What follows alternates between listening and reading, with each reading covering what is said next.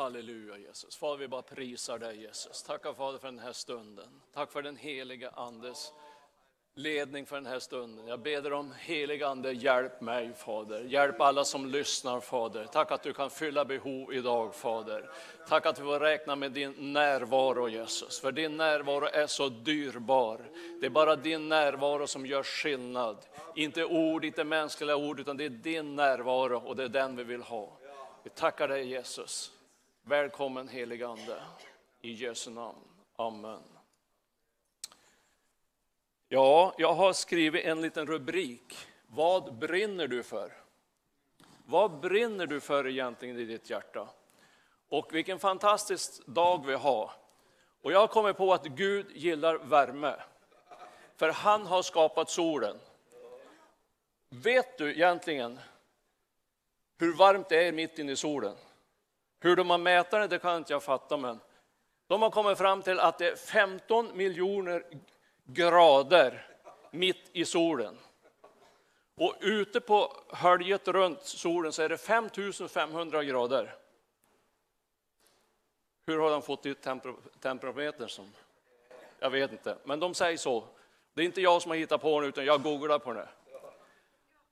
Och helt otroligt, vet du. Vet du hur stor solen är egentligen? Det går en miljoner jordklot ryms i solen. Det säger mig någonting, att Gud är stor. Det säger mig någonting att Gud är mäktig. Och att i torsdags, om du inte var här som gör som Thomas, gå in på, gå in på Youtube och kolla. Ingenting är omöjligt för Gud, vet du. Ingenting är omöjligt för Gud. Han hade varit död en timme 45 minuter. Vet du att jag tror Gud har börjat resa upp människor som har varit döda oftare och oftare nu. Är det någon som har hört om den här evangelisten Marcus Olsson i Göteborg? Han var alldeles nyss hemma i Sörflärke. Han berättade, han gick på en gata i Göteborg, det är ganska nyligt. Då var, stod en ambulans där och så låg en man på marken och de gjorde upplivningsförsök på den här mannen. De hade den här stötarna som de gav dem flera, flera gånger. Han kom inte till liv. Till slut så la de mig på båren och så trädde de in i ambulansen. Och Marcus Olsson stod och tittade på det där hela tiden och stod bara stod och bad. Och så sa han till de här som är ambulanschaufförerna, ta ut den igen. Nej, är, vi kan inte göra det. Han är död. Han vädjar till dem och han håller på så länge så att till slut sa han, okej, okay, vi tar ut dem. Gör det en gång till. De gjorde det, eh, puff, han kom till liv. Han kom till liv mitt framför ögonen på Marcus Olsson. Vet du, Gud är stor. Gud är mäktig. Ingenting är omöjligt för Gud. Och det är den förväntan som du och jag ska ha. Det är det vi ska börja brinna för. Det är därför jag skriver rubriken, vad brinner du för egentligen? För vet att det finns, du vet precis vem jag är. Du vet att jag gillar att jaga. Och jag har en stor längtan i många, många år att få skjuta en björn. Men vet du, jag kommer på en sak. Jag brinner inte tillräckligt för att skjuta en björn, tror jag. Visserligen kan det komma en björn och så slumpens skördar och så får jag skjuta en björn. Det hoppas jag på. Men jag har kommit på att jag brinner inte riktigt för det. Du ska höra någonting så helt otroligt. Det börjar lite skogligt nu i varje fall. I grannbyn så såg de en björn. De ringde till en kille nere i Uppsala som har en jättebra björnhund. Han satte sig på, i bilen klockan tre på morgonen, körde upp så var uppe i grannbyn klockan åtta. Jagade den dagen, sköt den björnen. Och de har skjutit den björnen, då sa de så här, ja men nu åker vi ner, ner till Breben och så äter vi någon mat. Jag har inte tid, så. Jag måste hem till Uppsala igen för det kan vara fler som ringer. Han tog bilen, han stack direkt till Uppsala, åt ingenting. Jag har lite käk i bilen, det var liksom det. han skulle bara hem dit. Klockan åtta på söndag morgon så ringde min kompis honom och frågade vad han gjorde. Jag sitter i bilen i Höga Kusten, Bronsson. Jag är på väg, vad ska du göra där då? Jo, men de har ringt ifrån Piteå. Det är två björnar de har sett där. Jag ska dit och skjuta en björn uppe i Piteå. Då kom jag på en sak. Jag brinner inte riktigt för det här. Och jag tror att det är det Gud vill, att vi ska, vi ska börja brinna för någonting. Och vi ska läsa ett bibelord, det står i Filipperbrevet 2 och 13. Det är ett fantastiskt bibelord. Och då ska du sätta det i, i, i åtanke då vi pratar om solen. Det står så här, ty Gud är den som verkar i er, både vilja och gärning. Tänk på solen, hur han har skapat den, hur våldsamt stor han är, hur stark han är. Och så frågar han du, vad vill du? Vad svarar du då? Ja, jag vet inte riktigt. Han som har all makt, han som är så våldsamt stor och ingenting är omöjligt. Och så kan man svara så här, jag är inget bättre än, än någon annan. Jag vet inte riktigt vad jag vill. Och det där har tagit tag i mig. Jag måste ju veta vad jag vill. Jag måste ju veta vart jag ska någonstans. Jag verkar på din vilja och dina gärningar, står det. Vad du tar det för, jag är med dig. Gud bara säger, vad vill du? Då kör vi. Det är det Gud säger åt oss egentligen. Han är beroende av dig och mig. Han vill ha connection med du och jag. Och jag har lärt mig en sak. Om jag vill någonting, då måste jag dra mig åt det hållet. Om jag vill skjuta en björn, då kan jag ju inte fara där det finns bara hare. Jag kommer ju aldrig få skjuta en björn där. Jag måste ju dra mig åt ett visst håll. Och jag tror att det är så där inom församlingslivet. Om du ser någonting, om du har fått någonting på ditt hjärta, så måste du börja dra det åt det hållet. Du kan inte bara sitta med armarna och, ja men, Gud du får göra som du vill. Du har ju all makt. Ja, det är ju sant. Men jag tror att Gud vill att du ska dra det åt ett visst håll om du har fått någonting på insidan som brinner. Då kanske du undrar, vad brinner du för? Vad brinner jag för? Vet du, Gud har varit på mig så länge nu att det finns bara en sak som jag brinner för. Det finns bara en sak som jag bara längtar efter och det är bara Guds närvaro. Du kan höra hur många predikningar som helst. De kan vara hur duktiga och så bra som helst. Det spelar liksom ingen roll egentligen i slutändan om inte Guds närvaro finns där. Sen kan du höra en fantastisk predikan och Guds närvaro är där. Det är inte det det hänger ihop på. Men, men det måste vara Guds närvaro. Och det är det jag har bara längtat efter. Att vi öppnar våra hjärtan, att vi är villiga, att vi är villiga att inbjuda den heliga Ande att bara leda oss, att bara prioritera tid med honom. För det gör all skillnad i världen. Det gör all skillnad i världen om Guds närvaro är där. Och då tror jag att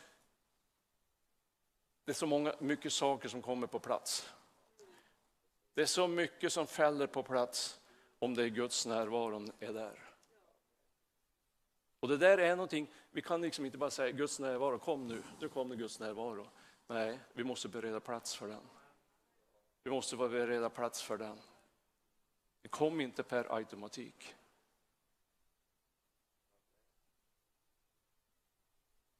Men det är en fantastisk resurs för Kristi kropp, Guds närvaro. Jag ska läsa ett bibelord till ifrån Uppenbarelseboken 3.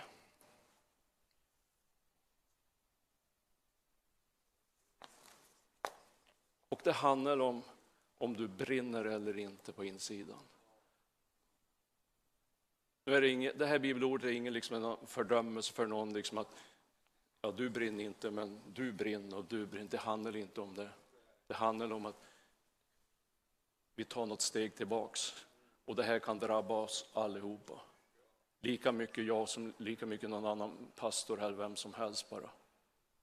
Det är så lätt att ta ett steg tillbaks och då brinner man inte riktigt. Det står så här, Uppenbarelseboken 3 och 14. Så säger han som är Amen, det trovärdiga och sannfärdiga vittnet, upphovet till Guds skapelse.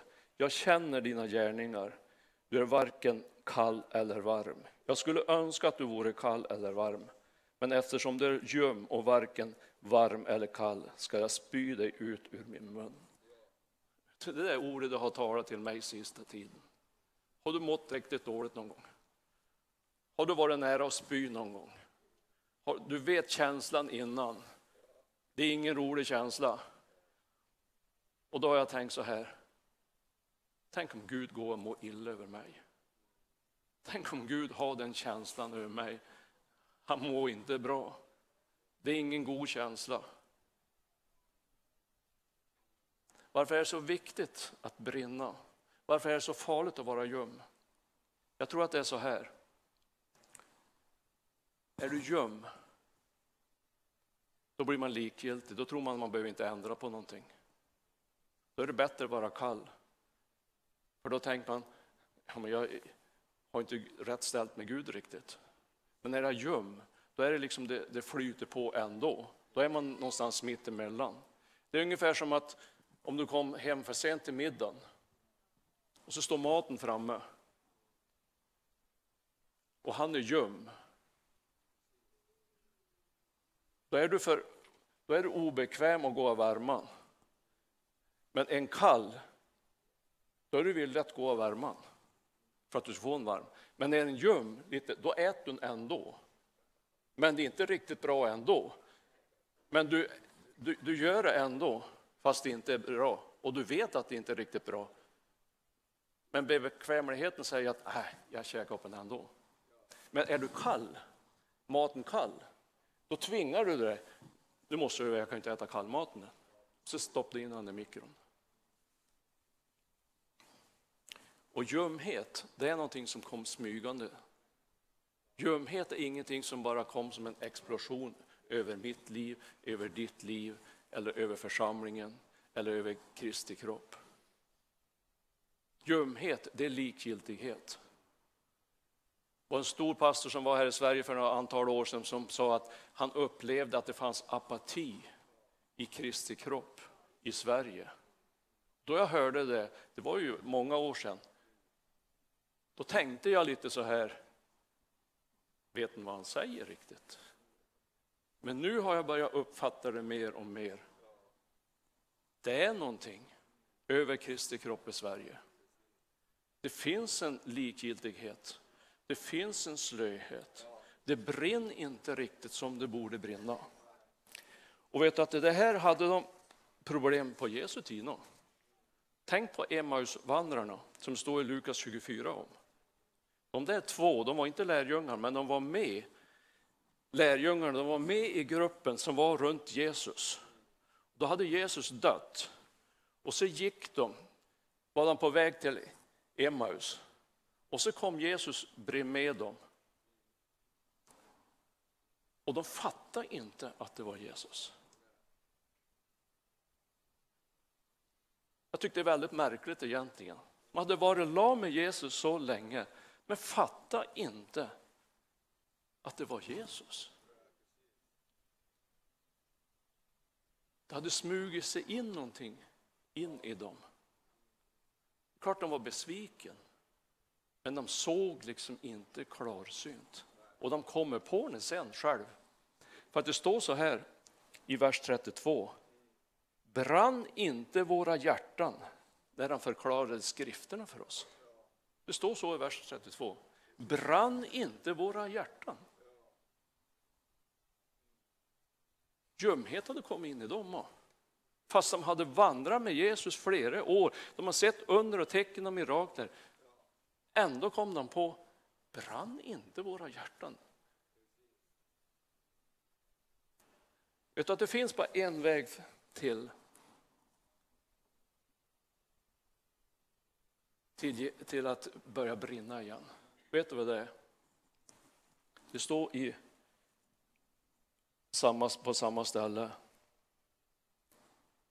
Det står att när Jesus, när de kom hem till en av de här männen och skulle övernatta, då bröt Jesus brödet. Det säger mig någonting att när du kommer nära Jesus, då öppnas dina andliga ögon. när Jesus är långt ifrån dig, när du inte har tid att gå på bön, när du inte har tid att gå på möte, utan du prioriterar andra saker, då är det precis som att Jesus kom lite längre ifrån en. Men när de kom hem och de gick in, då gick upp ett ljus. Det är ju Jesus. Det är ju Jesus. Och jag undrar, hur, jag har tänkt på hur de kände sig efteråt. Om jag har varit dem så skulle jag ha skämdes. Sett allting med Jesus, hade gått med han hela vägen. Och ändå inte känner igen Jesus. Men vet du vad som mer som hände? De blev frimodiga. De tappade inte modet. De blev glada när de upptäckte att det var Jesus. Vet du, Jesus han bara står med öppna armar hela tiden. Du, känner ingen, du behöver aldrig känna någon fördömelse på något vis. Du får vara hur slö och likgiltig och ljum och kall. Spelar ingen roll, han bara står bara, kom bara. Det är Guds kärlek. För de sa så här till Jesus när de var på vägen hem dit. Nu är det snart kväll. Nu börjar det bli mörkt. Nu ska vi inte vara ute. Kom in och övernatta hos oss. Men så fort de hade fått ett möte med Jesus, vad hände då? Då försvann Jesus ifrån dem. Och då sa de så här, vi stick till Jerusalem direkt. Det var ju lika mörkt då, det var ju lika mycket natten då. Men de kände ingen rädsla då. Ingenting, vet du. De for mitt i natten tillbaka till Jerusalem och skulle tala med, med, med lärjungarna. De blir frimodiga. Och det är det man blir när man är med Jesus. Spelar ingen roll, vet du. Du får en frimodighetens ande över det. För det finns bara frihet då det handlar om Jesus.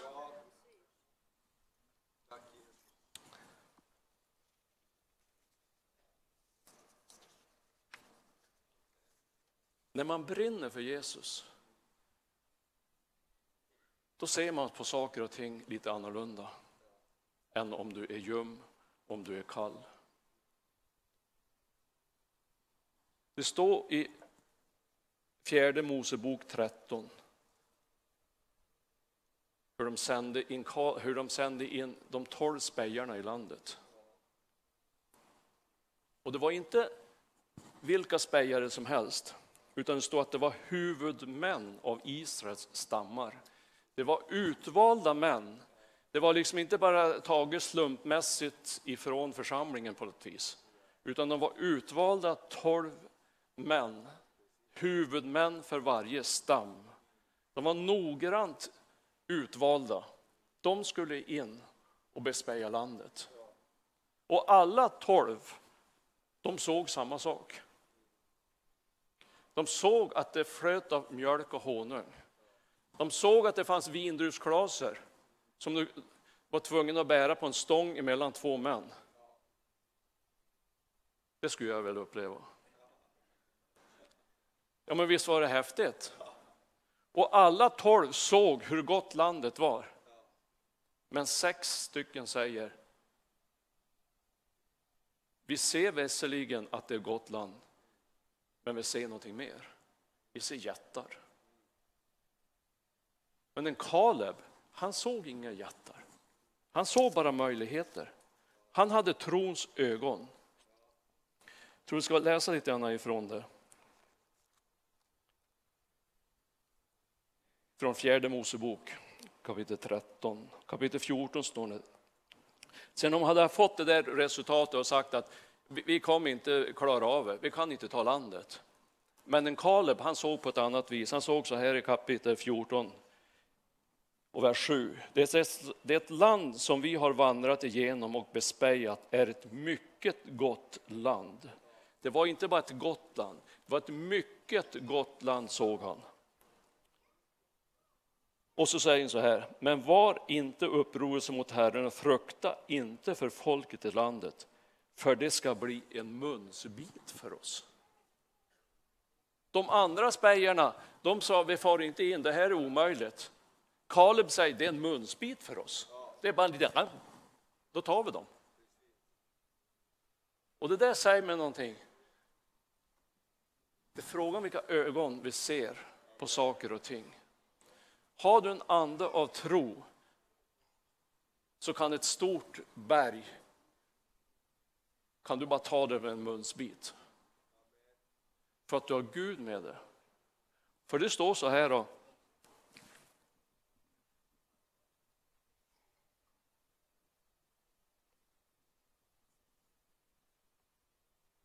Deras beskydd har vikit ifrån dem, men Herren är med oss. Frukta inte för dem. Han såg någonting, att det, hände något, att det hade hänt någonting med folket inne i landet. De hade övergett Gud. De hade, de hade gått åt ett annat håll. Med andra ord hade de börjat bli lite ljum. Med andra ord hade de börjat falna lite grann. De satt på alla resurser som fanns i landet. Stora vindruvsklasar, vet du. Det fanns hur mycket som helst där. Det flöt om mjölk och honung. Det var ett fantastiskt land. Men de hade blivit ljumma. Och det där såg Kaleb. Frukta inte för dem, för Gud är med oss. Och det där skulle jag vilja bara proklamera ut liksom idag åt hela församlingen. Gud är med oss. Frukta ingenting. Känn ingen oro. För Gud är med oss. Vi ska hjälpa varandra, vi ska styrka varandra, vi ska uppmuntra varandra så att trons ande börjar växa i oss ännu mer. För det är trons ande, den kan förflytta berg. Trons ande säger ingenting är omöjligt.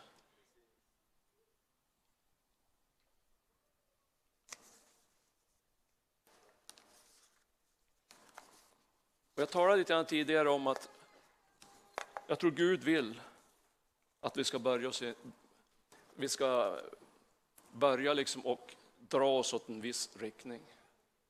Och jag tror att Gud vill lägga på dig och mig, på mitt hjärta, i den tid som vi lever just nu, att ingenting är omöjligt för Gud. Jag tror det är därför den här mannen var här i torsdags. Jag tror det var profetiskt över det. Ingenting är omöjligt för Gud. Men du och jag måste se till att vi är tillgängliga av Gud. När Jesus kallade lärjungarna då sa han så här, följ mig, då fixar jag resten. Följ mig, då gör jag dig till människofiskar. Men jag kan inte predika, jag kan inte prata, jag kan inte be för sjuka, jag är nästan tunghäfta. Hur kan Gud använda mig? Bry dig inte om det. Bry dig inte om det. Följ Jesus, så kommer han till att fixa det så du blir en människofiskare. Jag ska berätta något roligt. Ulf och jag vi var i Azerbajdzjan i var det april. Ja, april tror jag det var. Jag har inte varit där på sju år, tror jag. Sex, sju år. Och då var det pandemin och det var olika saker. Och eh, jag har gått och burit på mitt hjärta, men liksom, jag hade inte känt att det var liksom rätt timing för det. Jag vet inte i varje fall, men, äh, men rätt vad det är så bara vaknar jag till en dag. Jag ska till Azerbajdzjan. Och jag har lärt mig en sak. Att om du får någonting från Gud att du ska göra, då ska du göra det direkt. Då ska du inte vänta tills imorgon. För vet du, morgon, det är en halvbror åt aldrig. Man väntar och väntar och väntar och väntar och slut så blir det aldrig någonting. Och det var det som var tajmingen. Och tajmingen, det är jätteviktigt när du går med Gud. Du kan ha rätt saker att säga, men är det inte tajming så blir det fel ändå. I varje fall så åkte vi till Azerbajdzjan. Och för sju år sedan så var en äldre gumma där. Hon var 90 år då, hon levde fortfarande. Hon sa till eh, Elshim, pastorn i Sumgait, kan inte de där från Sverige komma och be för mitt barnbarns barn, tror jag det var, som var sju år. Kan inte be för han? Han totalvägrar gå i skola, han är blyg, han är inte med kompisar någonting. Han är i princip så här en enstöring. Ja, sa vi, absolut, du kan komma dit. Och tänkte jag när jag såg när de kom in med den lilla pojken. Vad ber man för den här pojken egentligen? Så jag fick liksom inga ord eller någonting, så jag bara tog henne upp i famn, bara satt och kramade om henne och satt och, bed, och bad i tungor. Och så sen bara släppte ner henne och så for hon. Sen var det hans mamma och så var det någon till som vi bad för, som inte var troende. I varje fall när vi kom till Sumgait nu, sju år senare, då var han runt 14-15 år, den åldern någonstans. Och då, eh, då tog pastorn fram honom. Det här är killen ni bad för. Det här är killen ni bad för, vet du. Dagen efter ni lämnade han, stack han till skolan, sen har han gått till skolan varje dag. Nu skötte han ljudet i församlingen. Han var hur glad och frimodig som helst. Han bara kommer fram till oss och bara sken som en sol. Vet du, egentligen så behöver man inte göra så mycket, men du måste vara tillgänglig. Du måste vara tillgänglig. Och det gäller oss allihopa. Om det är Azerbajdzjan eller om det är på torget eller vart det är någonstans. Du måste vara tillgänglig. Jag hade möte i en, i en eh, restauranglokal som de hyr två timmar varje söndag och så tar de bort alla bord och stolar och bara ställer ut därifrån och så hyr de den och ställer in deras stolar och har möten. I varje fall så hade vi möte, mötet var slut och jag gick ut. Då såg jag att det var tre kvinnor som stod och talade med en annan kvinna där. Och då sa de så här till oss. Den här kvinnan, hon är muslim, hade huckor på sig och allt. Hon, hade, hon städade på det där stället. Hon hade hört ryktas att det skulle komma två profeter från Sverige. Och hon ville höra dem. Vet du. du får inte tro att vi var några profeter än Ulf och jag. Men i deras värld var det det. Vi bad inte för dem, jag pratade inte med dem. Men när jag kom till bilen då sa de, hon ville bli frälst och hon blev frälst. Ut, ute i foajén, ute där.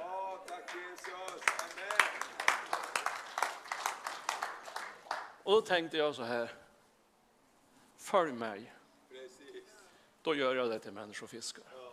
Då behöver inte du frukta någonting. Du behöver inte känna oro för vad du ska göra och säga och tänka på något sätt. För jag är med dig. Nu skriver jag ner en liten grej här som jag tänkte bara. Jag tror jag har sagt det någon gång förut. Jag tror att du har en kallelse på ditt liv som du fick när du var ung. Och jag skulle bara säga så här, börja och cykla igen.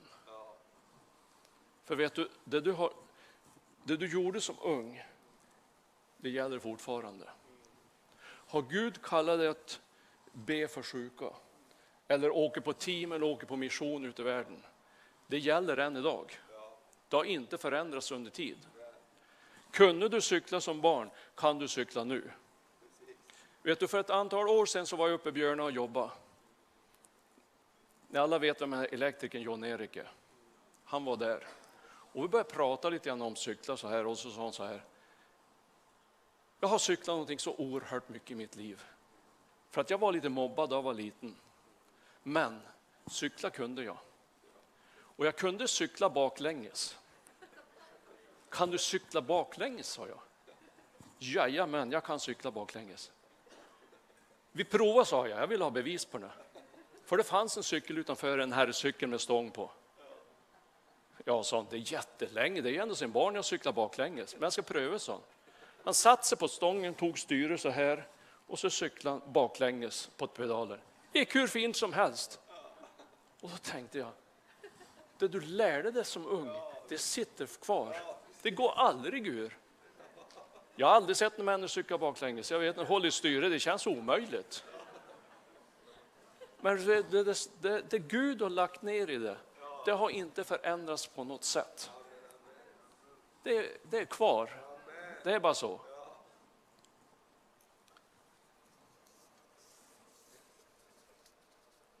Jag har en sak kvar. Vet att jag har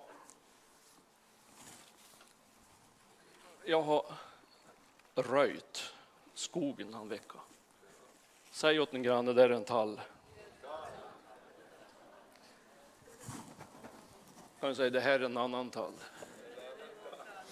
De planterade jag för ungefär 10-12 år sedan. Och nu är det dags att röja där. Och de har börjat växa. De är 4-5 meter höga, de är ganska, ganska fina och bra. Men du ska veta en sak.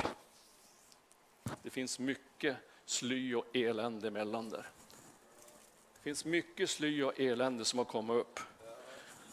Och då kan man tänka så här, när man tänker på sly och, och, och allt möjligt. Hur har det kommit upp som? Det är väl ingen som har planterat det? Det kom ju själv. Och jag har kommit på en sak. Att björken, det är som djävulen själv. För det ska du veta. Den kan slingra sig runt tallen så här. Och den bara drar åt hårdare och hårdare. För att den växer fortare. Ogräset växer fortare än det som är ädelt. Och jag fick en bild då jag höll på att röja. Vill du ha samtal med Gud, vill du vara nära Gud, då ska du ha en röjsåg på det. För då hör du bara något dovt ljud bakom det. Och efter någon timme du håller på, då märker du det inte. Utan då kan du börja prata med Gud och det är ingen som stör dig. Och Gud talar till mig för det här mötet idag. Det finns människor som är insnärjt av en björk. Precis som en onde försöker dra åt hårdare och hårdare. Och den blir bara hårdare och hårdare ju äldre björken blir. För den växer så fort. Och tallen växer bara sakta, sakta. Va? Och jag har sett på något ställe att den har dragit in sig, det, det är djupa sår i tallen. Liksom. Hur kan det växa så mycket ogräs då? Jag har ju sett ädla tallar, jättefina tallar. Det är precis som att ogräset kom av sig själv. Det kom från ingenting. Och så är det i ditt och mitt liv. Du behöver inte ha gjort något fel. Du behöver liksom inte ha fattat fel beslut, men det blir fel ändå. Och det jag gör då i skogen, det är de här måste ju bort. Det där är bara kaputt. Och så är det i ditt och mitt liv. Vi måste försöka få bort ogräset. Och vet du, Gud talade mig till mig väldigt, då jag höll på att ta lösen här björken som var runt här. Vi ska vara väldigt försiktiga när vi hjälper varandra. För att det är så lätt att jag skadar stammen bakom. För jag måste sätta in klinga dit. Och jag kan inte sätta en centimeter för mycket, ja då har jag skadat stammen. Jag måste vara exakt, precis. Och jag kom på en sak. Du får inte bort det här ogräset själv. Du måste ha hjälp. Jag måste ha hjälp. Det är därför vi är till för varandra. Vi måste hjälpa varandra. Och jag tänkte på att vi ska ha inbjudit till lite förbön. Och känner du det precis som att djävulen håller på att strypa dig på något område. Du kan må jättebra, kan vara fint, det kan vara hur bra som helst, men på vissa vissa områden så är det så att den här tråden börjar snurra runt. Och ju fler varv den snurrar runt, ju starkare blir det. Det kan komma upp. Därför har jag kommit på så mycket, liksom, man försöker så många gånger i egen kraft försöka att bli fri från det som har börjat snurra runt in i mitt liv, som är fel.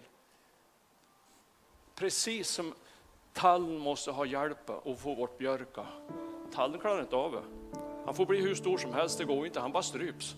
Det blir bara mer och mer, det blir bara hårdare och hårdare. Slutet saven som ska upp i tallen, det kom, den, kom inte, den kommer att dö. Den måste ha hjälp.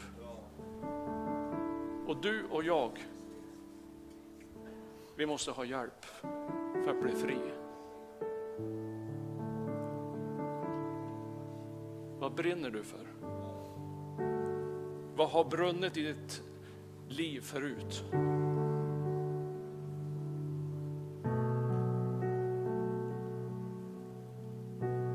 Vill blåsa liv in igen. Gud vill att du ska börja cykla igen. Du är inte kallad till att ta det lugnt. Och jag har tänkt så många gånger på den här killen som åkte för att skjuta en björn. Hur mycket det brann i han. Och då kan jag klaga på Gud om jag kanske måste åka till stan en gång extra. Det är ju löjligt. Det är bara frågan vad brinner på insidan av mig för någonting. Och Gud vill det ska brinna. Gud vill att vi ska se mirakler. Jag tror att den här mannen som var här i torsdags, han var sänd från Gud hit. Det var i rätt tid, det var timing. Han vill vi ska lyfta blicken. Vi ska se att han är stor, att han är mäktig, att ingenting är omöjligt för honom.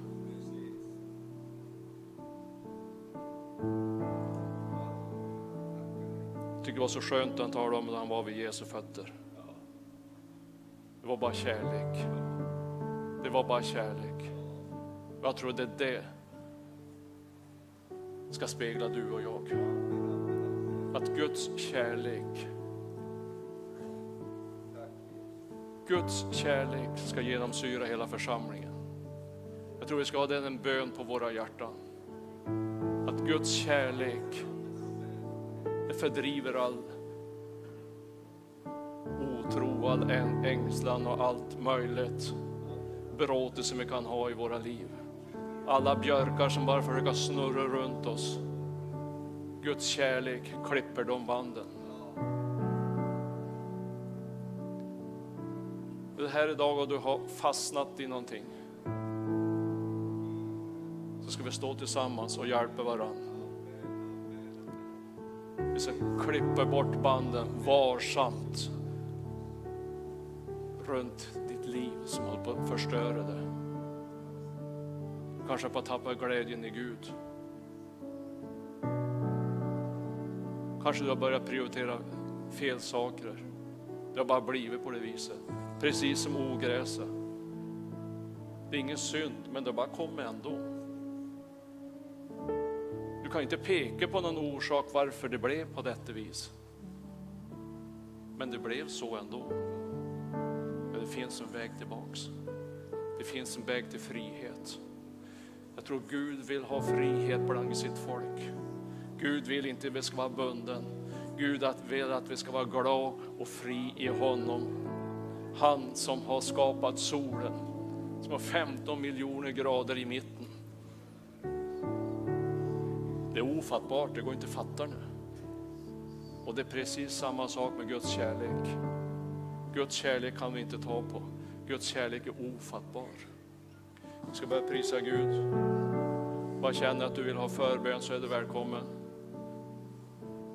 Du kan ta en liten stund nu och sen kan vi ha förbön i, i bönerummet också.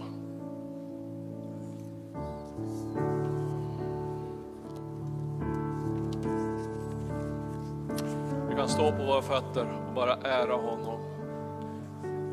Så vill du ha förbön så är du välkommen fram. Hoppas du har den längtan att du vill börja brinna. Att du vill brinna för Guds rike. Att du vill brinna för människors själar. Att du vill börja brinna för Guds närvaro.